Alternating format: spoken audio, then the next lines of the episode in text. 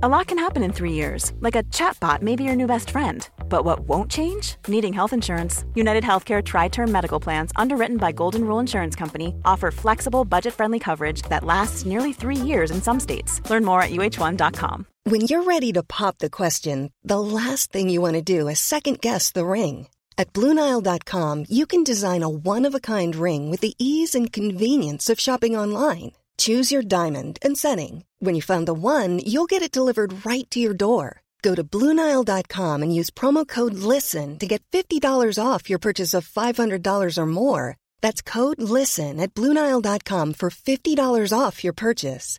Bluenile.com code LISTEN. Millions of people have lost weight with personalized plans from Noom, like Evan, who can't stand salads and still lost 50 pounds. Salads, generally, for most people, are the easy button, right? For me, that wasn't an option. I never really was a salad guy. That's just not who I am. But Noom worked for me. Get your personalized plan today at Noom.com. Real Noom user compensated to provide their story. In four weeks, the typical Noom user can expect to lose one to two pounds per week. Individual results may vary.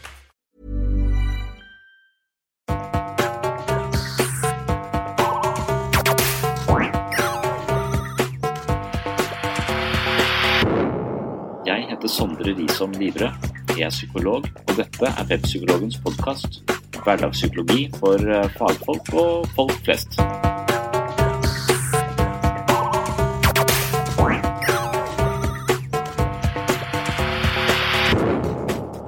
Da er vi kommet til episode ni. Både forskning og tusen år gamle visdomstradisjoner forteller oss at mindfulness og meditasjon er et sett av teknikker vi kan bruke for å trene opp hjernen vår. Gjennom mindfulness kan vi vinne en form for mental styrke som sørger for at vi i større grad beholder ro og balanse i vanskelige og pressa situasjoner. Temaet i dag er altså mindfulness, og opptaket du skal få høre er fra et kurs vi holdt i 2015.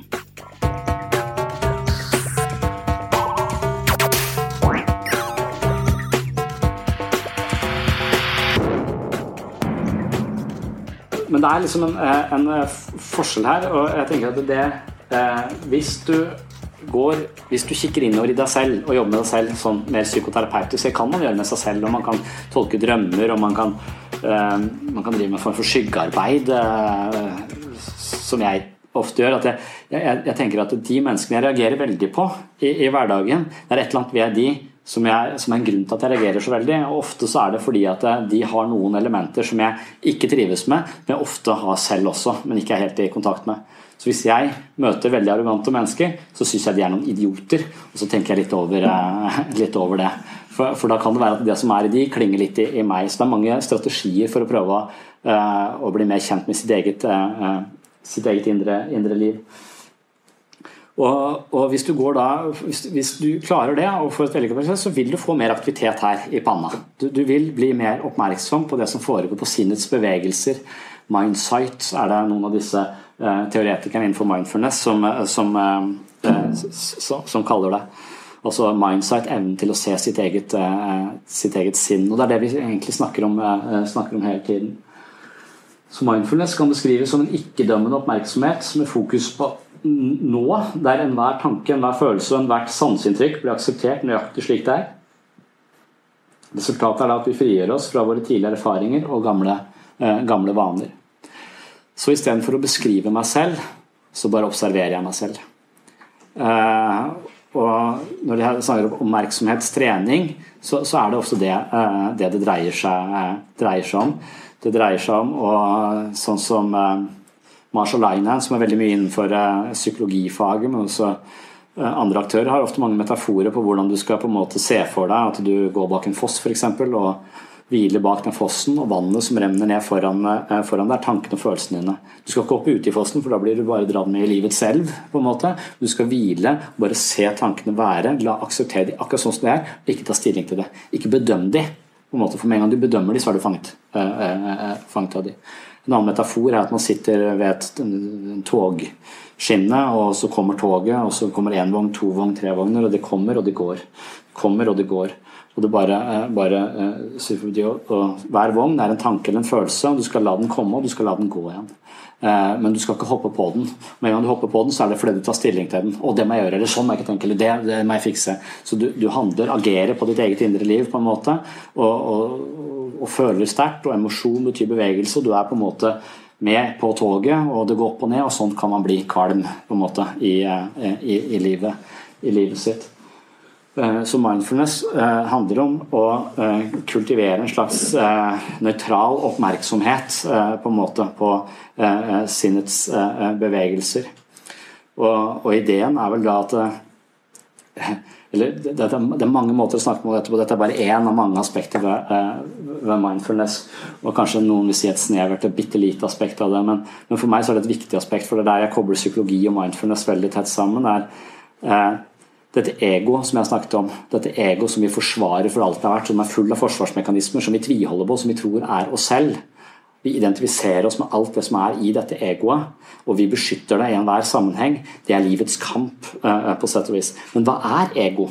Uh, er spørsmålet. Og jeg tror at mindfulness kan gi deg en slags erfaring på hva ego egentlig er for noe. Altså ingenting. Eh, bare en mental konstruksjon. Ikke noe faktisk, men noe du opprettholder og tror på. Mens egentlig så er det ikke noe fast, det er ikke noe, det er ikke noe statisk. Men det blir statisk fordi du tror det er det. Så, så, ego er på en måte bare en ansamling av ideer du har fått fra andre om deg selv, som du lever og tror på og gjør eh, til din virkelighet. Og det blir din virkelighet. Du tror du er mislykka fordi egoet ditt sier at du er ikke like verdifull som alle andre. For det var ingen som gadd å legge merke til deg når du vokste opp, eller brydde seg om hva du fikk av karakterer på skolen.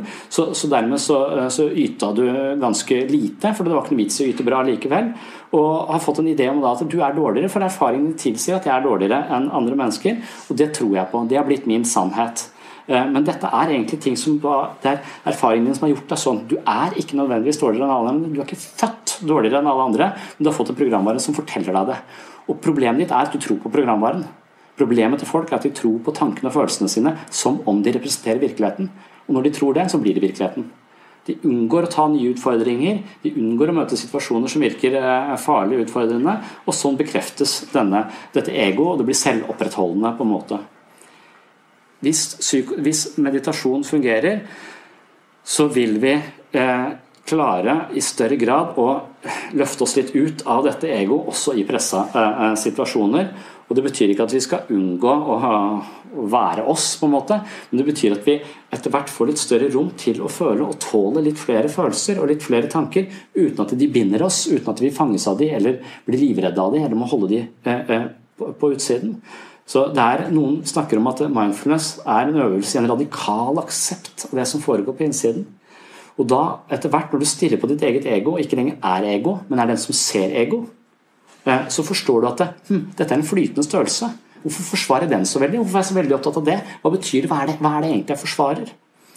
Og hvis det fungerer, så kan man få en slags sånn dette, dette, blir jo litt religiøst, og det skal man ikke eh, Man skal ikke snakke i sykehussystemet hvert fall, så, vi, så, er jo den, den, jobben som er gjort, er å gjøre mindfulness ikke-religiøst. Det, handler jo, det kommer jo fra de store visdomstradisjonene, både innenfor uh, kristendom også, det er jo uh, islam, og, men spesielt er hinduisme og buddhisme. Da. Men veldig mange av de store visdomstradisjonene har elementer av meditasjon og denne Eh, innsikten i seg, eh, eh, på sett og vis. Og så er det da tatt ut, renvasket for religiøse undertoner, sånn at vi kan bruke det i et sykehussystem fordi vi ser det funker. Vi forsker på det og ser at dette funker, det forandrer faktisk hjernen din. Og det er mental trening på en positiv, positiv måte. Og når vi da kan på en måte bruke, bruke dette vi, Men da, da, er jeg litt redd for Noen sier, da bruker ordet 'enlightenment', eller opplysning. For det kommer fra det religiøse at Hvis du mediterer lenge, så kan du få en opplysning. En slags eh, enlightenment og opplysning. Noen sier det var som om livet mitt var et mørkt rom, og jeg var redd for slangen borti hjørnet hele tiden. Jeg var alltid redd for den slangen. Jeg så den, jeg skimta den, lå borti hjørnet. Men så et lite øyeblikk så gikk lyset på, og så så jeg at det bare var et belte, og så gikk lyset av igjen. Men etter det så har jeg aldri vært redd for uh, den slangen, for det vet jeg er et belte. Uh, og det kan være en slags bilde på litt hvordan mindfulness kan fungere når man jobber over lengre tid eh, med det. Man på en måte avslørte ah, det egoet jeg er så innmari opptatt av å få applaus for, det er kanskje ikke så viktig. Det er jo en flytende størrelse. Så det jeg forsvarer å se meg, ikke se meg, eh, være glad i meg, ikke glad i meg alt, All denne eh, menneskelige og slitsomme dynamikken, da, dette, denne sosiale frykten Vi går rundt og er opptatt av hvordan andre ser meg osv. Eh, den vil avta litt når man ser at ego er noe det er fullt av tanker og følelser som kommer og går. Det forandrer seg hele tiden. Vi har fått mye mer flytende forhold til vårt eget eh, ego og, mye større rom og mye større aksept av oss selv, uten at vi liksom må eh, forsvare det. Så de, de sier at hvis Det er min egen erfaring òg, at når jeg har gått mye i psykoterapi, og når jeg har prøvd å meditere så godt jeg kan over lengre tid, så er effekten at jeg er mindre redd. Jeg er i dag mindre redd for hvordan dere opplever meg, enn jeg var for to år siden. For to år siden så hadde jeg gått på do ganske mange ganger før jeg møtte dere. I dag var jeg bare på do et par ganger, tror jeg. Eh, eh, så det er, en, det er, en, forskjell i hvor stor betydning eh, min sosiale frykt har på mitt liv. på en måte. Hvor viktig det er for meg at dere liker liker meg. Det har avtatt litt, men det betyr ikke at jeg ikke bryr meg. Jeg er veldig glad for det, men det gjør at jeg kan være mer jeg er roligere til stede, selv om jeg kan virke litt hektisk. Så jeg er roligere til stede enn det jeg var for, uh, for, Så min sosiale frykt er den som har avtatt litt. Jeg tror egoet mitt er fortsatt fryktelig for, for, uh, forfengelig og vil bli likt og vil berømmes og vil bli sett osv. Men det behovet er ikke fullt så sterkt. Og, og, for meg så var det kanskje aller mest tydelig når jeg var ferdigutdanna som psykolog og flytta til Kristiansand, jeg tror det var i 2005 eller noe. Da var jeg ekstremt opptatt av hvorvidt jeg kunne være en god terapeut i det hele tatt, og om jeg kom til å fungere i den eh, rollen. Så jeg var kjempeopptatt av å gjøre en god jobb og, og bli likt. Så, ja. så, det jeg drev med når jeg møtte mennesker, det var å tenke på hva faen skal jeg si når du slutter å snakke nå? Da skal jeg si et eller annet smart som du får noe ut av. Og da hørte jeg jo ikke etter hva de sa. Jeg var mye mer opptatt av meg selv og hvordan jeg skulle være viktig for dette andre mennesket. Og det var egoet mitt som måtte fungere som dette, for ellers så følte jeg at da var jeg på helt feil grein hvis ikke jeg fikk til dette, eh, dette her. Det ble så altoppslukende viktig for meg.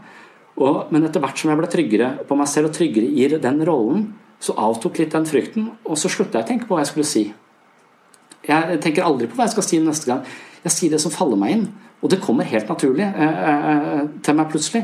Men det turte jeg aldri å stole på eh, før. Og når jeg ikke stolte på det, når jeg var sånn, så opptatt av å bli likt, så, så forkludra det hele prosjektet. Jeg klarte aldri, jeg var vel egentlig aldri til stede for noen. Jeg hørte ikke etter hva de sa. altså Jeg var mest opptatt av å være flink. Eh, og den typen frykt har avtatt i meg, og jeg tilskriver det veldig mye eh, mindfulness en slags sånn, kanskje bitte små glimt innimellom av at dette egoet er litt flytende. Det er ikke noe jeg trenger å forsvare så hardt. Og Hvis jeg skal i psykoterapi nå en gang til, på et eller annet tidspunkt, og får tilbakemeldingen du er arrogant, så tror jeg ikke jeg kommer til å slutte uh, i, i, gruppa. Jeg tror kanskje jeg kommer til å da uh, orke å stå i det, orke å ta det innover meg. Fordi at det ikke nødvendigvis er noe som definerer meg absolutt, men en side ved meg selv som er en del av noe mye mer, som jeg ikke trenger å legge så mye verdi i, men som er viktig for meg å se på, sånn at det ikke det ødelegger for, for livet mitt. Så mens mens psykoterapi ommøblerer litt på det nivået vi er. Eh, ommøblerer på måten vi føler, tanker og sånn, rent sånn, litt sånn mer konkret. Så, så vil mindfulness si at eh, alt det der jaget i egoet det lurer deg likevel. Det er bare et spillfekteri for din egen bevissthet. Du må ikke tro at du er det du tror du er. På en måte, ikke stol på tankene, ikke stol på følelsene dine. Vit at du er noe mye mer. Eh, det er på en måte den litt halvreligiøse beskjeden i, eh, i, mindfulness, som da nettopp ikke er da intellektuell. For da ommøblerer litt og sier det er bedre enn det, og det, så jeg må føle sånn, ikke tenk sånn, tenk sånn. Så, så er det du er observatøren av alt dette. Du er ikke dette, du er observatøren av det som foregår uh, her inne. Og det kan jeg si hundrevis av ganger, uh, men så lenge man ikke har erfart det, så lenge man har merket en slags sånn distanse fra dette egoet, så, så, så, kan man bare forstå det som en teori, og ikke som noe som man selv har erfart. og Derfor så er mindfulness ikke en teori, men praksis. Man kan snakke om den, det hjelper ikke. Man er nødt til å praktisere det over lengre tid for å få den erkjennelsen som skal til. Og effekten, sånn jeg ser det, vil være mindre frykt, samtidig som jeg blir mer glad i andre folk. Det er også en, en, Når jeg aksepterer mitt eget indre, så kommer jeg på en eller annen måte Jeg har mer kapasitet til å leve meg inn i andre mennesker, og jeg er mer glad i andre mennesker. Før så syntes jeg veldig mange var noen idioter. Jeg skjønte ikke hvorfor de oppførte seg sånn og sånn. Jeg var liksom fiendtlig innstilt, følte jeg. Det har avtatt også betraktelig. Jeg er mye rausere overfor andre, og jeg er liksom glad i det strevende mennesket. på en måte. Jeg syns, det er noe noe, noe, noe, vakkert med det. Mens før så syntes jeg det var noen idioter. Hvorfor faen gjør du ikke bare andre? Sånn. Så jeg var mye raskere på avtrekkeren. Mye mer fordømmende, eh, tror jeg. Og det tilskrev jeg også kanskje mye av mentaliteten i mindfulness. Å omgås mennesker som er kanskje eh, langt framme der, mye lenger framme enn meg selv. Og merket på denne vennligheten, på en måte, denne, eh, denne åpenheten. Og, og forsøkte å adoptere det inn i mitt liv, selv om jeg fortsatt er full av fordommer og og sånne ting, så er det, så er det avtatt. Da. Så jeg ser på hvis jeg skal, Når vi snakker om en, eh, det skal vi snakke om neste gang, en oppskrift på selvutvikling, så vil jeg si at det, eh, det å ommøblere på innsiden med hjelp av innsikt er viktig. Psykoterapiens prosjekt. Men for at det skal funke, eller for at det skal funke bedre, så kan mindfulness være en måte å smøre det mentale maskineriet på. Løse platene i egoet ditt, sånn at det er lettere å ommøblere. Eh, fordi at man er ikke så eh, knyttet til dette ego, eh, ego lenger. Det, det, er en viktig, så, så jeg tenker at for, for, meg så ble det etter hvert som jeg satte meg inn i mindfulness og var opptatt av det, så tenker jeg at dette er jeg nødt til å ha i kombinasjon med psykoterapi. Så alle de menneskene jeg møter, de vil at det skal gå både i psykoterapi, men jeg vil også møte de mindfulness-grupper. Jeg tvinger det ikke til det, men jeg sier at denne kombinasjonen er ekstremt mye mer kraftfull enn bare det ene kontra det andre. Så, så, jeg anbefaler eh, da at de kjører dette eh, parallelt, for jeg tror at de, de gjensidig påvirker hverandre positivt. Da. Så det Ja. Eh, du snakket om Eckhart Tolle eh, i stad, var det noen som snakket om så, eh, så, så man, eh, kan man av og til få den fornemmelsen at Eckhart Tolle er sånn en fantastisk figur. Jeg anbefaler alle å se ham på YouTube. Han, han, gjør, et, han gjør, et, spesielt inntrykk. Eh, og jeg liker han veldig godt. Eh, men, eh, men han, eh, han, forteller om, han, forteller om, ego og hvordan vi beskytter dette ego. Og så forteller han oss hvordan tankene våre hele tiden stjeler livet vårt. Da. Han forteller oss hvordan, hvordan tankene hele tiden lurer oss vekk fra øyeblikket. og Det er et sånn viktig viktig element ved, ved mindfulness er tilstedeværelse i livet sitt. Eh, og tilstedeværelse her og nå. Eh, når jeg jobba som terapeut i starten, så var jeg jo aldri til stede her og nå. Jeg var to skritt lenger framme for å si noe smart der. Jeg var aldri til stede, jeg fikk ikke med meg det som foregikk.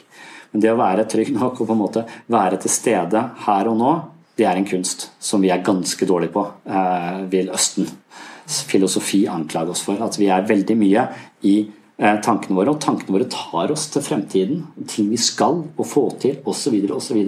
Eller vi sitter fast i grubling fra fortiden. Faen, skulle aldri arveoppgjøre, det så urettferdig. Også. Så at vi hele tiden, istedenfor å være til stede her og nå, så er vi fanget av enten fortiden eller på en måte som man kaller ofte depresjon, eller, eller hele tiden galopperer videre og er to skritt foran der, der framme, mens aldri til stede her, her og nå. da. Så tankene våre hele tiden tar oss vekk fra øyeblikket. Og det er et problem. For meg så var det et problem. Jeg tror kanskje grunnen til at jeg ble opptatt av mindfulness og sånn, var at jeg fikk barn. Eh, og, og, så, og, så, var det så innmari ofte jeg tenkte at bare, for nå for, skal vi bare få dusja, og så skal vi bare få, uh, få, få til den kveldsmaten, og så, og så få sett noe på barne-TV, og så få lagt det, og så kan jeg slappe av så var jeg hele tiden to skritt framme. Jeg, skulle hele tiden, var hele tiden foran i programmet. Jeg skulle, ha, jeg skulle drive dette videre til de kom i sengen, for da kunne jeg slappe av. Og Så fant jeg ofte meg selv da stående inne på rommet deres mens de sov, og se på dem. Oi, så fantastiske de er. Nå sover de. Hvorfor gjorde jeg ikke det når de var våkne. På en måte litt, jeg, jeg, følte at jeg aldri egentlig klarte å være til stede der og da, men alltid hadde et prosjekt som gikk framover eh, i, tid. Og på sett og vis følte jeg gikk glipp av, eh, glipp av de. Og når de sov, jeg kunne stå på sida av de og bare se på de, hvor, hvor skjønne dette, disse små menneskene på en måte er, så, så, så var det som om eh, Det hadde jeg gått glipp av i stad. Alle de små tingene i hverdagen. Så det å være mer til stede her og nå eh, ble på en måte sånn ble sentralt for meg, for jeg følte jeg gikk glipp av veldig, veldig mye. Eh, og, mindfulness er da en øvelse i å være til stede her og nå. Og jeg sammenligner det av og til med, med trening. For jeg tror ikke det er noe som Det er ingen quick fix, dette heller. Det er bare narkotika som funker med en gang. Så hvis ikke mindfulness funker, eller psykoterapi, så anbefaler jeg å begynne med narkotika isteden. Det Ja, bare kjør på. Jeg tror det er sterkere Sterkere og bedre. Um, så, så, det er noe med Men um, og, og hva er da mindfulness? Er hvordan, hvordan, kan mindfulness forankre oss i øyeblikket og lære oss å være til stede her og nå? Og det, det er litt, uh, litt uh, Den overgangen er litt sånn vanskelig å forklare, kanskje vanskelig å forstå. For det, det, man gjør ofte i mindfulness eller meditasjon, det er jo å sitte og puste. Og være oppmerksom på pusten. André Krøse, som vi har lært av, på en måte, han snakker veldig mye om pusteankeret. Eh, og kaller da pusten et anker i nuet. på en måte. Vi forankrer oss i pust, som er alltid er her og nå. For pusten kan du ikke glemme hjemme eller skal hjem og hente. Den, den er alltid til stede her, her og nå. Um, og, og, da tenker jeg ja vel, nå sitter jo han der eh, André Krøse med den litt rare uh, si, dialekta si. Eh, fantastisk eh, person. Så vidt jeg vet så han, ble han født i konsentrasjonsleir. Og han har vel uttrykt at det, dette mindfulness har vært det viktigste i hans liv. Han kunne aldri vært der han var hvis ikke det hadde vært for, for det. Hvis du blir født i konsentrasjon, så kan du forestille seg at noen av disse emosjonelle systemene som ligger dypt forankra hos, ville fyre ganske mye og skape en ganske stor grad av indre uro. Men, eh, men mindfulness, altså tilstedeværelse istedenfor å være fanget av den indre uroen, så kan man kanskje kontrollere en hvile som en observatør. Så det, dette, er en, dette, er en, person som virkelig lever filosofien sin. Eh, akkurat som Kabat-Zinn og, og, noen av disse store. De, de, lever mindfulness, og de viser dem måten de er på. og, og, og roen sin, og de, de, de lærer, det, lærer, det, videre. Og de sitter da og forteller meg at det, nå skal du bare slappe helt av. Du skal kjenne etter på nesa, på kinna, du skal kjenne etter på muskulaturen i ansiktet. Du, slapp, du slapper av. Og så, og så, vil de ofte guide deg til pust. De ofte guide deg inn til, til å kjenne etter på pusteankeret. Kjenn at du drar pusten inn i munnen, ned i, i magen og ut igjen. Så kan du legge merke til at det kanskje lufta er litt varmere når du går på vei ut enn på vei inn. Og så skal du hele tiden legge merke til pusten. Går inn og ut. Inn og ut. Og Det klarer jeg ca. tre sekunder. Jeg. Så begynner jeg å tenke på hva jeg faen skal ha til middag, og hvor mye klokka er nå, og hvordan det Og så er jeg borte eh, eh, fra øyeblikket. Jeg er i starten ekstremt dårlig på å fokusere og være til stede akkurat eh, der og da. Og jeg tenkte at dette passer ikke for meg. Dette med meditasjon og sånn, det er for damer med vide skjørter og for hasjrøykende hippier. Dette passer ikke for meg. Eh, så, eh, og det var kanskje fordommen man hadde før eh, sånne som Kabat-Zinn og André Krøs og Per Einar Binder og en del sånne dyktige fagfolk da, gjorde dette tilgjengelig. I Norge så var det Krøs og Binder som var så de som er mest, mest kjent, men, men, at de, de renvasket litt for disse fordommene som jeg da hadde for å unngå dette prosjektet selv, fordi at jeg syns ikke jeg fiksa det. Og det gjorde jeg jo ikke eh, på en måte heller, men, men da er også beskjeden du skal være Det er helt greit, og tankene vil alltid komme uh, uh, og ta deg. Det vil alltid være tanker, tanker, der, og det skal du også bare akseptere. Alt skal aksepteres, på sett og vis. Men når tankene kommer, og du merker at du har sklidd av sted, vekk fra pusteankeret, øyeblikket her og nå, pusten, så skal du legge merke til det. Og så skal du med en viss grad av styrke og vennlighet guide oppmerksomheten din tilbake til pusteankeret. Og så er du tilbake her og nå. Og For meg så er det et bilde på én gang på vektstanga. Jeg forventer jo ikke at muskelen min skal bli innmari mye større. Ta ti kilo sånn. Der, det var dagens, på en måte. Det, eh, det, det vil ikke gjøre meg sterkere i biceps å løfte en manual én gang. Jeg må gjøre det veldig mange ganger før jeg blir, eh, blir sterkere. Og Jeg sa i stad at dette med, med, styrketrening har ikke, meg, har ikke, gitt meg større muskler, eh, som var eh, meninga i starten. Eh, men men, men, det har gjort meg litt sterkere eh, fysisk. Så, så, det som er forskjellen nå og før jeg begynte å trene, er at jeg, nå gruer jeg meg ikke så fælt til å løfte barnevogna inn i bilen. Først var det et ork. Det sånn, ah, nå er det bare går, går inn med en grad av letthet, for det er litt sterkere i musklene eh, mine. Eh, så det gjør fysisk trening med meg. Det gjør, uten at jeg nødvendigvis legger merke til så gjør det livet mitt bitte litt lettere på forskjellige områder. Eh, fordi jeg er litt sterkere. og Jeg er litt mer forankra meg sjøl. Jeg stoler litt mer på kroppen min. Og jeg tror det er akkurat på samme måte med, med mindfulness. Litt sånn snikende forandring som du ikke nødvendigvis legger merke til.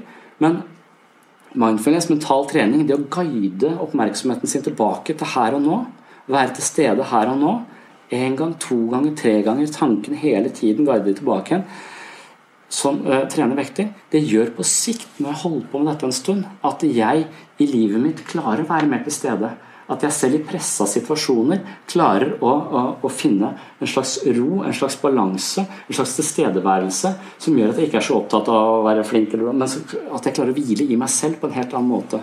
Så jeg tror at mindfulness er Vi tenker på hjernen som plastisk, og hjernen forandrer seg, så vil mindfulness på en måte styrke de områdene i hodet vårt som vi trenger for å ha mer balanse på innsiden. Og det kan virke da litt søkt å sitte og puste, men det er rett og slett for å, å, å trene mentale muskler. Og jeg tror vi blir litt mentalt sterkere i det at vi møter større påkjenninger i livet vårt med større grad av ro og oversikt. Og overskriften på disse bøkene om mindfulness er ofte 'oppnå mer med mindre stress'. Og det er det jeg føler som Å bli tryggere i en rolle som terapeut også, det er at jeg oppnår mye mer med mye mindre grad av stress. Jeg er ikke alltid foran meg selv, jeg er faktisk alltid til stede for et annet menneske. Det er en helt unik opplevelse, egentlig. Å se andre uten å hele tiden være fanget av teori. og nå skjønner jeg deg, nå er jeg teoretisk forstått, men bare rett og slett oppleve det. Og gi en tilbakemelding på det du opplever der og da. Det er de beste terapeutene som ikke tror de vet noe.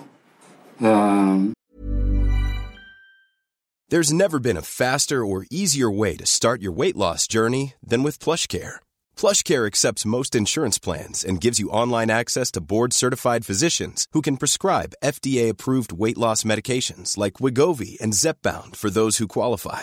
Take charge of your health and speak with a board-certified physician about a weight loss plan that's right for you. Get started today at plushcare.com slash weight loss. That's plushcare.com slash weight loss. plushcare.com slash weight loss. Cool fact, a crocodile can't stick out its tongue. Also, you can get health insurance for a month or just under a year in some states. United Healthcare short-term insurance plans, underwritten by Golden Rule Insurance Company, offer flexible, budget-friendly coverage for you. Learn more at uh1.com. There's never been a faster or easier way to start your weight loss journey than with PlushCare. PlushCare accepts most insurance plans and gives you online access to board-certified physicians who can prescribe FDA-approved weight loss medications like Wigovi and Zepbound for those who qualify. Take charge of your health and speak with a board-certified physician about a weight loss plan that's right for you. Get started today at plushcare.com slash weight loss. That's plushcare.com slash weight loss. plushcare.com slash weight loss. Jeg vet ikke, jeg tror hvis du spør de eh, som er, som er best på dette, så, så, virker de ikke så veldig bekymra. Eh, det virker som om uh, dette er noe som noen snakker om i forhold til mindfulness, og sier at de er veldig kritiske til det i forhold til den pasientgruppa, i forhold til den problemstillingen osv.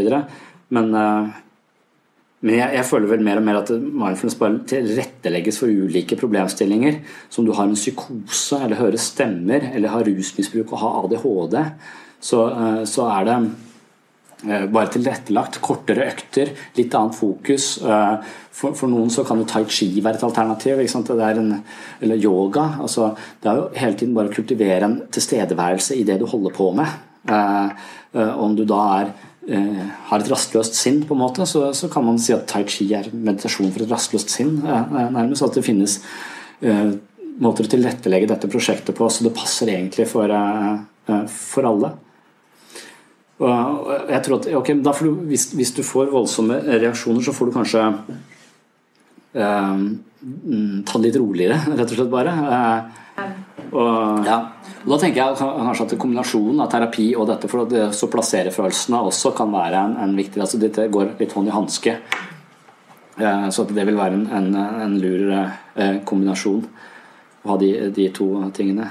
Jeg husker jeg hadde en, en fyr som kom på kontoret mitt og vurderte å gå i gruppeterapi. Så fortalte han hva det handla om. Sånn, ja, og var litt usikker på om det ville hjelpe, så han valgte isteden å reise til Thailand. Og så være der i, i en måned, tror jeg. Jeg tror han var der i fire uker på en sånn stilleretreat inne i jungelen hvor det var bare sånn tak og sånn, sånn murplatting. Og der satt de i, eh, i, eh, i, uten å si noe i fire uker. Og så fikk de første måltid klokka fem. Det var en bolle med bitte litt ris i. Og så fikk de siste måltid klokka tolv. Det var en bolle med litt ris i. Og så satt de der, helt stille. Og det, det, for, det hadde blitt for mye for meg. Det hadde jeg virkelig ikke takla. Hvor lenge hadde jeg takla å, å, være taus, tro? Eller bare sitte og observere? Eh, det, det, man sa det, det, var det vanskeligste han noensinne har gjort. Han holdt på å krepere underveis, men så plutselig så fant han en eller annen stillhet i seg selv. Det er altså det, det han Eckhart Tolle snakker om, at vi er fanget av mentalt støy. Hele tiden mentalt støy. Eh, eh som, eh, som, går inn i hodet, eh, hodet vårt. Dette egoet eh, som hele tiden lurer oss inn i finurlige plott. Bare du skal tenke sånn, gjør sånn eller oppnå det, så vil du bli lykkelig. Eller bare du får det og det, så vil du bli lykkelig. Som hele tiden jager oss eh, gjennom livet. da når du avslører det, kan sitte som en observatør til det. Og så den, den der hardcore måten da er å sitte helt stille eh, og bare på en måte drukne støyet i taushet. Uh, og det, det, virker som en form for ekstremsport. Men så sa han at jeg, når jeg kom tilbake, når jeg fløy over Kristiansand, så, så, var det som om jeg så Alt var så krystallklart. Jeg har aldri sett verden så krystallklar før. Beskrev han, hadde ikke noe annet ord, det var krystallklart. Og, han var rolig, og det var et, en stor grad av velbehag. Så landa han på Kjevik. Og så begynte han å tenke på nå må jeg få gjort ferdig de eh, skissene til den eh, bygningen. For, og, så, og, så, var han fanget av livets kjas og mas eh, eh, igjen. Så, så, det holdt ikke så lenge. Eh, men, men, det var en opplevelse av en form for stillhet som han vet er tilgjengelig. Eh, og jeg har, sett den, jeg har, sett folk beskrive den stillheten flere ganger. Ikke nødvendigvis bare i, i kraft av mindfulness eller det, dette med å meditere, men jeg husker jeg hadde en eldre dame som ville ta livet sitt. Og, og det er sånn sånn jeg har for altså, Jeg er for at folk Jeg er for en, en type selvmord. Jeg er for egoselvmordet, uh, uh, på sett og vis. Men andre former for selvmord er jeg mer skeptisk til. Og hun dama jeg kjente, hun, hun hun, hun, hun, hun, var sånn at hun knytta all sin verdi til prestasjoner. Eh, så hun, var vel forsømt på alle mulige måter, men var veldig opptatt av å gjøre alt for alle eh, rundt seg, og la sin egen verdi i alt hun kunne prestere og være for alle andre. Og livet, hvis hun sluttet å prestere, så sluttet hun også å eksistere. Så livet var, hadde vært en, en tredemølle som gjorde løp og løp og løp og løp og løp og kom aldri av. Hun fikk aldri en pause, for hun klarte ikke å ta noen pause. Og Hver gang hun nådde et mål, så la hun bare lista litt høyere. Og sånn, øh, sånn fortsatte Hun fant aldri noe ro eller velbehag noe sted. Helt til hun bestemte seg for å ta sitt eget liv. Så tenkte jeg orker ikke mer. Og idet hun tok den avgjørelsen, fant fram uh, uh, alle tablettene hun hadde tenkt å ta, så sa han den beste jeg opplevde i hele mitt liv. Den roen jeg hadde i de tre timene før jeg skulle dø, det var, det var en stillhet og en, en, en, opplevelse som var helt eh, himmelsk. Jeg har aldri opplevd noe lignende. Så tok hun disse pillene, men så oppdaget mannen det, og så, og, så kom hun tilbake til meg og beskrev hun disse, den, denne, disse tre timene. Og faktum med de tre timene de var jo i livet. Hun trengte ikke å dø for å få de tre eh, timene, og det ble viktig for henne. Hun forsto at disse, denne roen er tilgjengelig på en, på en, eller annen måte. Jeg har bare gått glipp av den hele tiden. Ego har hele tiden lurt meg at jeg har identifisert meg med mine egne prestasjoner og det at jeg er noe for andre. Og på den måten så har jeg aldri egentlig funnet noe som helst ro eh, i, i, livet mitt. Og det, det kan også være en sånn slags øyeblikksopplevelse av en form for opplysning eller innsikt som ble kjempeviktig for henne. Hun ble fanget igjen av sitt eget ego, men hun visste at det var tilgjengelig, og hun jobbet iherdig mot det. Og mindfulness ble for henne et veldig veldig viktig redskap i den, uh, i den prosessen for å, for å, finne tilbake til den roen hun hadde før hun skulle dø. Og Dette er også noe av det som jeg liker den, disse fortellingene vi hører Eckhart Tolle fortelle om sin, om sitt selvmord. For det er også helt eh, sånn, han, Eckhart Tolle er liksom autodidakt eller selvlært. Eh, jeg vet ikke han han er en slags multireligiøs life eh. Jeg vet ikke hva, hva, man skal, eh, hva, man skal, kalle han, men, men, historien hans om hvordan han havnet der altså At han også har et liv fullt av faenskap egentlig, og, og, og, smerte. Og så kommer han opp i 20-årene og, og, orker ikke mer. Eh, og sier at 'jeg orker ikke å leve med meg selv lenger'. Jeg orker ikke å leve med meg selv lenger. Og så begynner han å si dette flere ganger, ifølge han selv. Da. Han sier eh, 'jeg orker ikke leve med meg selv'. Og så etter hvert så går det opp at det er et eller annet rart med denne setningen 'jeg orker ikke leve med meg'. Det er som om det er to stykker her. Det er som det er et jeg som ikke orker å leve med meg. Og hvem er jeg, og hvem er meg? Eh, på en måte. Og, og, ideen er jo 'jeg orker ikke leve mer, jeg skal ta livet mitt'. Og, og, men det han etter hvert forstår ved å gjenta denne setningen, er at det er en forskjell på jeg og meg. og det han skal ta livet sitt, er meg. Det er ego. Det er dette ego som har blitt fulgt av informasjon om han ikke er god nok, at han er et uh, dårlig menneske, kanskje han var veldig religiøs, syndig menneske. At det, han var full av uh, ideer som fanget han til livet på en krampaktig måte. Uh, som gjorde det vanskelig og slitsomt å være, være han. Men så viser det at jeg serverer meg. dette, dette, er ego, dette er en flytende størrelse, det er ikke noe absolutt. Så hvis han skal ta livet av noen, så skal han ta livet av det ego. Og det er det han gjør. Så jeg tok livet av meg og det er det selvmordet man på en måte eh, oppfordrer til. da, Et slags ego-selvmord. Men hvis han hadde misforstått det, hvis han har misforstått og tenkt at det, dette ego er meg, jeg er sånn som dette egoet, jeg er udugelig, så, han, så ville han tatt livet av kroppen sin. Og da hadde han tatt livet av jeg og meg. Det er en tragedie. Totalt misforstått, hele greia. Og folk som tar livet sitt rent fysisk, de har ofte misforstått. Ja, totalt. Nei, nettopp. Ja. Og for oss så er dette i en sånn vestlig perspektiv så er dette litt merkelig, for det, for det høres ut som psykose. Det høres ut som du skal droppe hele til ego og så på en måte ramle ut av det. Og, og, og for, for, oss er det definisjonen nærmest på, uh, uh, på, psykose. Men her tror jeg det er vesentlige forskjeller som, som, gjør at vi skal ikke forlate dette ego. Dette er fortsatt, fortsatt oss, og vi er som regel alltid fanget av det på, på en eller annen måte. Men vi skal bare få litt større plass. Vi skal få litt større rom i oss selv til å tåle følelser. La de komme, la de gå, la de komme, la de gå. Og ikke sånn identifisere seg som voldsomt uh, med de. Så hvis jeg føler at jeg hater lillebroren min innimellom, så gjør ikke det meg til verdens verste storebror. Uh, det er en naturlig følelse som kommer og går når han er en dust. Eh, men, men, det at jeg orker å hate noen også, tenker jeg innimellom Hat er et veldig sterkt ord, men jeg føler det nesten innimellom. betyr også at jeg elsker han veldig. Det er en person som står i en posisjon hvor han kan skuffe meg veldig. Eh, og jeg er veldig glad i han. Så at hat og kjærlighet går litt hånd i hånd, det, det føler jeg var veldig sånn, eh, veldig sånn sterkt. hvis ikke han hadde betydd noe for meg, så hadde jeg ikke orka å føle så mye for han heller. Men, men, jeg føler mye, uh, mye for ham, og det er kanskje derfor de nære relasjonene er vanskelige.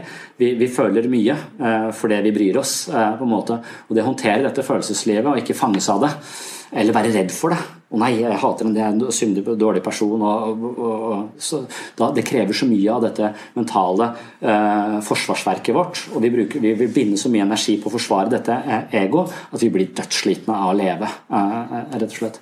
Så mindfulness kan gi oss en slags kultivere litt dypere lag i vår egen bevissthet, på sett og vis. Og, og, og et annet bilde på dette som, jeg, som, som, for meg har vært litt sånn eh, Jeg vet ikke om det er helt korrekt, men, men, men det, det, det, gjorde at jeg forsto uh, forsto konseptet eh, litt bedre. det det, det, var at du, Hvis du ser i alle disse store visdomstradisjonene, fra kristendom til hinduisme og buddhisme og så er det noe som går igjen eh, her. Det går, igjen, det går også igjen i vitenskap. altså At mennesket har forskjellige bevissthetstilstander. Uh, og det, så, Um, så, i, så, man snakker da om, I alle disse tradisjonene snakker man om at mennesket er i en våkentilstand, sånn som jeg er nå. Og da er jeg ofte fanget av mitt ego. Jeg vil til en viss grad at dere skal, uh, skal, like meg. Jeg skal lage middag etterpå. Jeg, skal, sånn, jeg, er meg, og hvis du spør meg hvem jeg er, så lister jeg opp alt det som, uh, som står jeg, som jeg identifiserer meg med. Jeg heter det og det, jeg er så og så gammel, jeg jobber som sånn og sånn, jeg driver med det og det. Jeg har en del ting som definerer meg, som, jeg, som er min identitet er knyttet til. Hvis min identitet er knyttet til mange utenforliggende ting, som at jeg har en uh, Toyota Avensis. Det er vel kanskje ikke noe som folk legger så veldig mye verdi i. Hvis jeg hadde hatt en veldig, hvis jeg, hadde, jeg har mange av min verdi knyttet til prestasjonene mine, eller til bilen min, eller til huset mitt, eller til um, utseendet på kona mi, for den saks skyld. Altså alt dette, Hver gang jeg har forankret min egen verdi i noe som ligger utenfor meg selv, så er det et sånn sårbart prosjekt. Ideen er at vi bør hvile mest mulig i oss selv. Og sterke mennesker hviler vel i seg selv. Det er ikke så opptatt av det. Det er et sånt godt, solid eh, ego. Men uansett så er jeg i dette egoprosjektet mitt eh, nå, fordi jeg er våken og jeg er opptatt av eh, å, styres på sett og vis av de ideene som jeg har identifisert meg med. Og, og så, sånn er hverdagen min. Kjas og mas. Men også fine ting. Det gir meg drivkraft osv. Men med det, idet jeg sovner, så kommer jeg inn i en annen bevissthetstilstand. Jeg, jeg kommer inn i drøm. Så når jeg legger hodet på puta, så begynner jeg å drømme. Og da løses dette her litt opp. på en måte Dette egoet mitt blir litt løsere. Plutselig så er jeg ikke nødvendigvis sånn, det kan være noen helt andre. Eh, jeg kan skifte karakter. altså Alt det som er meg, blir mye mer flytende. Så, så, drømmen viser meg en helt annen variant av meg selv. Jeg er ikke lenger forankret i meg og alt det dette som jeg identifiserer meg med, men det kommer mange forskjellige ting. Det er mye mer, en mye mer flytende størrelse. Og i drøm så har jeg ofte en opplevelse at jeg svever litt utenfor meg selv og ser litt inn. At jeg observerer ligger litt utenfor og ser meg selv være meg i forskjellige fornemmelser, fasonger, følelser, farger, hvordan denne drømmen utspiller seg. Alt flyter. Ego flyter. Og Freud mente jo at her er det masse informasjon. Så han sa at drømmen er kongeveien til det ubevisste. Dette burde du være opptatt av, for her kan du forstå deg selv. Og det kan man sikkert. Men det er ikke poenget her nå. Poenget er at da har du kommet inn i en drømmetilstand hvor ego, platene ego er mye løsere. Og, mens neste, neste skritt, den neste bevissthetstilstanden vi kommer i, det er dyp søvn. Og i dyp søvn, fra å være her til å drømme, til dyp søvn, da er det ingen ego igjen. Det er ikke noe som jeg identifiserer meg med. Det er bare bevissthet uten et objekt. Og det er sånn, slags sånn uh, Hva skal jeg si en, uh, en litt sånn Bevissthet i seg selv betyr jo nesten at bevisst, når man er bevisst noe, så er man bevisst noe annet enn seg selv. Det er som om uh, bevissthet er en, beskriver en relasjon til noe annet. Så det å være bevisst noe er også at jeg er bevisst noe annet enn, enn meg selv. Så bevisstheten, når det har ego å være bevisst om, så er jeg tror jeg er dette. Men i dyp søvn så forsvinner ego, jeg er bare bevissthet. Uten noe å være bevisst om. Det er bare bevissthet. Og dette tror jeg at buddhismen vil kalle ditt sanne ansikt, eller Buddhas natur. Kristendommen vil kanskje kalle det sjel. Vitenskapen vil kalle det bevissthet. Og så vil si at Vi vet ikke helt hva det er for noe ennå, men vi forsker på det. Uh, og så uh, og, så, og, og, på en måte, Mens dette er det du eh, egentlig er, men du husker jo ikke en dritt av det. For med en gang du våkner oh, sovet godt. Tilbake jeg er meg, så og så gammel, skal prestere det og det. Viktig at jeg får til det. Nå er det kurs til helgen. Konsentrere deg, være forberedt. Tilbake her. Men hvis jeg ikke havner her i løpet av et døgn, så finner jeg ikke hvile. Og det, Hvis man har vært i militæret Gutter har ofte vært i militæret og opplevd å vært, måtte være oppe veldig mange dager i, i, i, strekk, da vil du ofte få en opplevelse av en sånn, nærmest sånn psykosetilstand, eller i hvert fall en illusjon, og du vil oppleve ting som uh, forvirrende, og du, du, vil ofte føle deg veldig frynsete. Jeg husker jeg så ting som ikke var der, og hørte ting som ikke var der. Altså, sånne ting jeg forbinder med psykose. da. Uh, og psykosen ligger potensielt tilgjengelig uh, hos alle mennesker når vi er så på en måte fanget her ute og aldri får hvile. Når vi aldri bare får være uten å være dette. Eh, det er her vi finner hvile, og vi må innom her sånn. Hvis ikke så er vi fanget her. Til slutt så blir vi så slitne og forvirra at vi blir psykotiske. Eh, så det å få dyp søvn er helt eh, livsnødvendig, fordi vi plugger inn til en form for bevissthetstilstand hvor vi henter denne hvilen. Og mindfulness på en måte er jo en slags bevegelse utover. Du skal ikke helt hit. Det er nirvana. Men, men, du skal ha større rom i deg selv, så dette egoet ikke blir så altavgjørende lenger. Og det, en, det, gir jeg nå som en forklaring, mens det vil ikke bite på oss før vi har erfart det. Eh, eh, eh, på, på, på sett og vis. Så, så det, dette er et kjempe for, for meg så er det en litt sånn Vi er hele tiden innom denne Vi er jo i nirvana hver natt, liksom. Nå vet ikke jeg hva nirvana er egentlig, så jeg forholder meg ikke akkurat til de begrepene. Men det er bare denne Jeg husker jo ikke dyp søvn, men det er der vi finner hvile. Fordi at vi, vi, jaget er her ute. Og hvis vi klarer å disidentifisere oss litt med dette, så vil vi få det bedre. Vi vil få mer ro, vi vil få mer overskudd. Vi, vi, alt vil ikke bety så innmari mye på en stressende måte, men vi vil få mer rom til å føle, så vi egentlig klarer å bry oss mer. Vi vil orke å bry oss mer for de tingene som, uh, som skjer. Og et annet bilde, eh, bilde, på det som er som metafor som, eh, som går på, på, innenfor buddhisme, er at psyken er som et hav. Og det vi tror, er at vi lever på overflaten, at det er livet. Men på overflaten så er det vind, det er strøm og det er bølger. Og vi svømmer febrilsk for ikke å bli truffet av den bølgen og for å nå fram til den bøya, og så svømme videre og holde oss flytende. Noen sier hodet over vann. Det er et slags bilde på at livet er stress. Vi må bare holde hodet over vann. Klare å puste. Og så sier da eh, disse østlige visdomstradisjonene at eh, nei, hvis du bare dykker rett under overflaten, så er det helt stille. Og rett under overflaten så vil du heller du vil få en større oversikt. Det betyr ikke at du ikke skal bry deg om livets kjas og mas og alt det du skal gjøre, men du kan ved å dykke litt ned finne en slags ro og stillhet i deg selv til å få en større overblikk. Gå litt lenger, litt dypere ned i bevissthetens lag på en måte, og møte da livets overflate med en mye større grad av ro og oversikt. Og det er det man på en måte kultiverer i, eh, i mindfulness. altså Man kultiverer dypere lag av sin egen bevissthet. Og Rent sånn fysisk så vil det si at du går fra alfa, beta, teta til deltabølger. Dette er deltabølger. Så er det alfa her ute, og så, så den spesielle læren. Så, så, hjernen svinger på, uh, på, frekvenser, så det har så mange paralleller. Uh, dette her kan kalle det en slags mental puls. Men det å da kunne være til stede og ikke fanges av ego i vanskelige situasjoner, men klare å ta et skritt tilbake, først finne pusteankeret, være til stede her og nå, Eh, og ikke så innmari opptatt av hva skal jeg si, hva skal jeg gjøre nå, men klare liksom å innhente et slags overskudd i nuet. Eh, det er det jeg tror mindfulness hjelper oss til. Eh, og da kan man kanskje oppnå mer med mindre, mindre stress. Og når jeg snakker om mindfulness på denne måten, så beviser det at jeg ikke skjønner en dritt av hva det handler om. For at hvis du møter Krøse, som er på en måte litt ateoretisk. Eller kanskje han er mer Eller Per Einar Binder, som også er sånn, sånn veldig Innenfor dette feltet veldig sånn kjent, kjent, mann da, som kan dette veldig godt, så vil han ikke snakke på denne måten.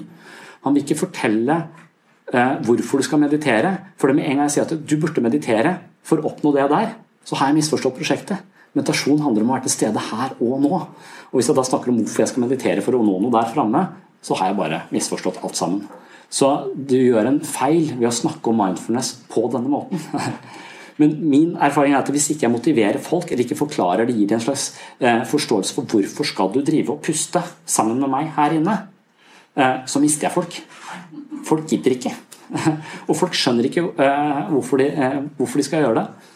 Og Derfor har jeg mange sånne sammenligninger som han ikke ville på en måte bifalle i det hele tatt, som mental trening, eller, eller at eh, hjernen er som en muskel og, og, og sånn, men det, det, tenker jeg om det.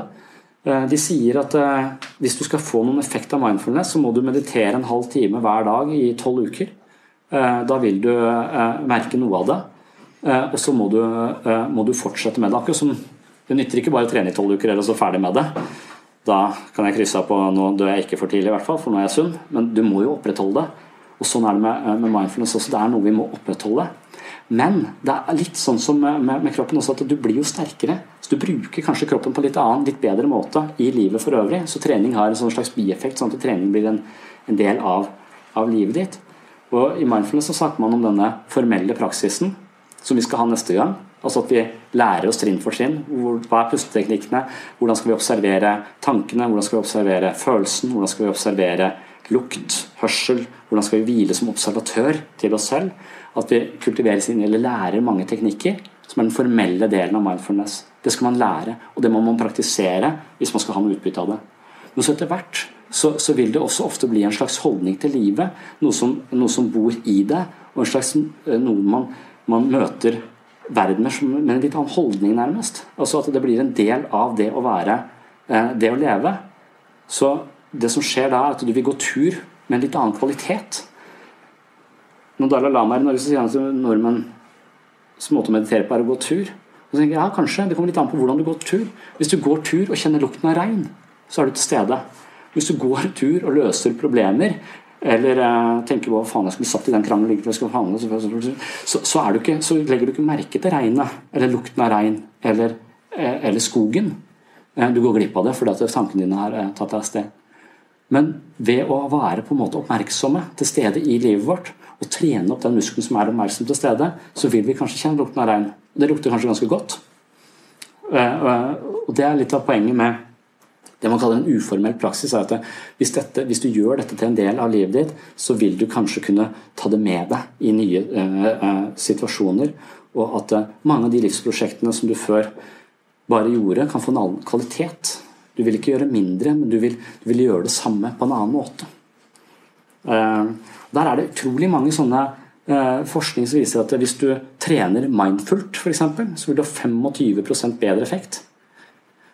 Og Det gjør ikke jeg. så ofte. Jeg står sånn løfter så tenker liksom på Jeg har hatt kurs til helgen, og så, og så, og så, og så, så er jeg ikke til stede. Men hvis jeg, hvis jeg, konsentrerer meg veldig og kjenner etter den muskelen jeg faktisk bruker når jeg bruker den, og kjenner at der er den, og, og er til stede i det området, så, så sier denne forskningen at da vil effekten av den treninga jeg gjør, være 8-25 eh, bedre. Det er ganske mye å være til stede i det du holder på med. Så, så det, er en, det, er en, forskjell. Det er vanskelig, vanskelig for oss.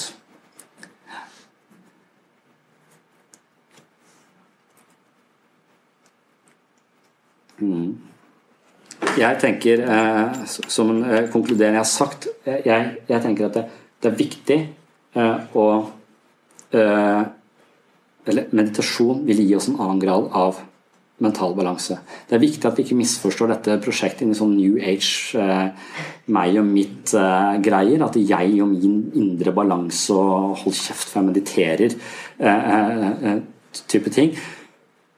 Men at vi, at vi som pappa for eksempel, eller som terapeut, så tror jeg at det, de trenger ikke å lære meg flere terapeutiske teknikker eller gå på flere kurs for å lære meg Jeg har ikke gått på noe kurs. Det syns jeg var litt rart. At jeg fikk et barn uten å gå på kurs. Skal jeg ha med meg dette her hjem uten at du forteller meg hvordan eller noe som helst? Det syns jeg var helt sjokkerende. Uh, så sa jeg det tror jeg ikke er noe lurt i det hele tatt. Jeg, det, jeg har aldri gjort dette her før. Så, så det syns jeg var, i utgangspunktet var litt rart. Men, uh, men, uh, men i hvert fall så Eh, så, så, så, tenker jeg at eh, min oppgave, hvis jeg skal bli bedre terapeut, så må jeg egentlig bare meditere mer. For, for jeg, jeg, tror at det viktigste ved meditasjon er at når vi kikker innover oss selv og ser vårt eget indre liv og ikke er fanget av det, så vil det også være på en måte byggestenene i broen inn til et annet menneske. Det å forstå seg selv og sine egne reaksjoner vil øke empati. Så de, den munken hva er forskjellen på munken? Hva, hvor, hva er det eh, meditasjonen gjør med, med, han som er bedre enn hos andre? Han har en høyere grad av emosjonell intelligens. Hvis det, hvis det er noe som, han er mye mer emosjonelt intelligent. Og han er mye flinkere til å lese andre mennesker. Og ikke på sånn der 'jeg skjønner hva du tenker'-måte, eh, men de har sjekka de opp mot, eh, opp mot sånne eh, folk som de tenker eh, tollere de driver bare og stirrer inn i mennesker. Har du noe med det? Og jeg blir jo skyldig. Bare de ser på meg, så bare Ja. Eh, selv om jeg ikke har noe. Jeg er jo kriminell når jeg kjører forbi tollet. Det, det blikket gjør meg til det. Men toldere, politimenn, psykologer, psykiatere øh, øh, og, dommere øh, Alle de yrkene hvor man tenker at dere skal være flinke til å lese andre, de har man sjekket opp mot de som har meditert lenge. Og de som har meditert lenge, skårer to standardavvik høyere på evnen til å lese andres emosjonelle liv. da. Eh, og Det betyr at de i mye større grad klarer å tone seg inn, for at de har balanse selv. og Det gir de et ego slags i overskudd, og et ego i overskudd har noe å gi. De ønsker å gi noe til andre. Det er mye mer til stede overfor andre mennesker. Altså Det man tenker på som å forstå andres følelser. Så når de møter andres fiendtlighet, så vil de ikke rygge tilbake eller møte med, med fiendtlighet. De vil tåle det. De vil se følelsen, og de vil kanskje Det som er emosjonelt intelligent, er at hvis jeg kan gå inn i en krangel, og istedenfor å gjøre meg om til fireåring og trekke den jeg snakker med, ned på eh, fireårsnivå, så, så, så klarer jeg å opprettholde uh, meg selv sånn at den andre også vokser. Sånn at jeg ikke, ikke, vil dras ned, men de fleste av oss i krangel vil bli dratt ned. Mens en som er veldig emosjonelt intelligent, vil klare å løfte den andre også. Begge to opp, uh, opp igjen. Og det er helt enestående. Jeg tenker Det er det viktigste. Det øker vår medfølelse. Og hvis jeg vet hva som foregår inni meg, så er det det viktigste egenskapen. Mindsight, altså min evne til å se mitt sinn, er det som kan gi det, Hvis jeg har det, så kan jeg gi det til de som er rundt meg. Jeg kan gi det til barna mine. Det vil være det viktigste uh, uh, for meg. Og hvis jeg ikke har det, så kan jeg ikke gi det til barna mine heller.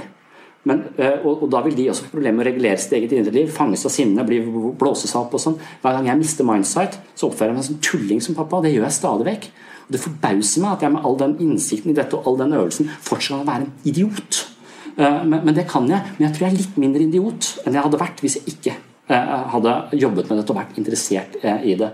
For i større grad så klarer jeg vet mitt eget, jeg klarer å kontrollere dette, og da er det lettere for meg å leve inn. Så det er byggestenet i empati ligger i å forstå sitt eget indre liv, og da kan du også peker barna innover. Altså, det er to linser. Det er verden der ute, og så er det den linsen som ser verden der inne. Og hvis du trener den, så vil de klare å regulere sitt eget indre liv på en helt annen måte. Og det er helt avgjørende for, for velbehag og, og, og, og, sosial kompetanse og, trygghet på seg selv osv. Så, videre. så Så du skal ikke meditere bare for at du skal få så innmari mye bedre selv, men du skal få det for at du blir et bedre medmenneske. Eh, må være en eh, slags eh, For å unngå det jeg kaller Whitney Houston, me generation yoga.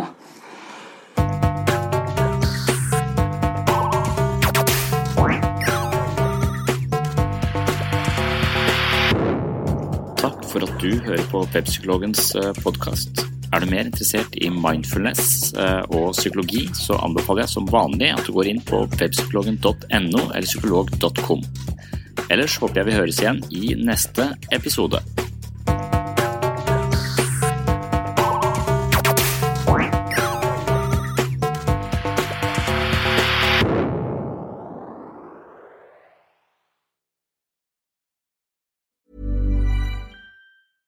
Mom deserves the best, and there's no better place to shop for Mother's Day than Whole Foods Market. They're your destination for unbeatable savings, from premium gifts to show-stopping flowers and irresistible desserts. Start by saving 33% with Prime on all body care and candles. Then get a 15-stem bunch of tulips for just $9.99 each with Prime. Round out Mom's menu with festive rosé, irresistible berry chantilly cake, and more special treats. Come celebrate Mother's Day at Whole Foods Market. A lot can happen in the next three years. Like a chatbot may be your new best friend. But what won't change? Needing health insurance. United Healthcare Tri Term Medical Plans are available for these changing times.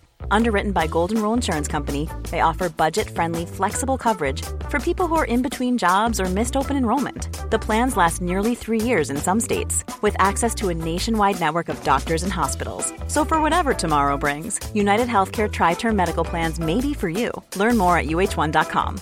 Imagine the softest sheets you've ever felt. Now imagine them getting even softer over time. That's what you'll feel with Bowl and Branch's organic cotton sheets. In a recent customer survey, 96% replied that Bowl and Branch sheets get softer with every wash. Start getting your best night's sleep in these sheets that get softer and softer for years to come. Try their sheets with a 30-night guarantee. Plus, get 15% off your first order at bowlandbranch.com. Code BUTTERY. Exclusions apply. See site for details.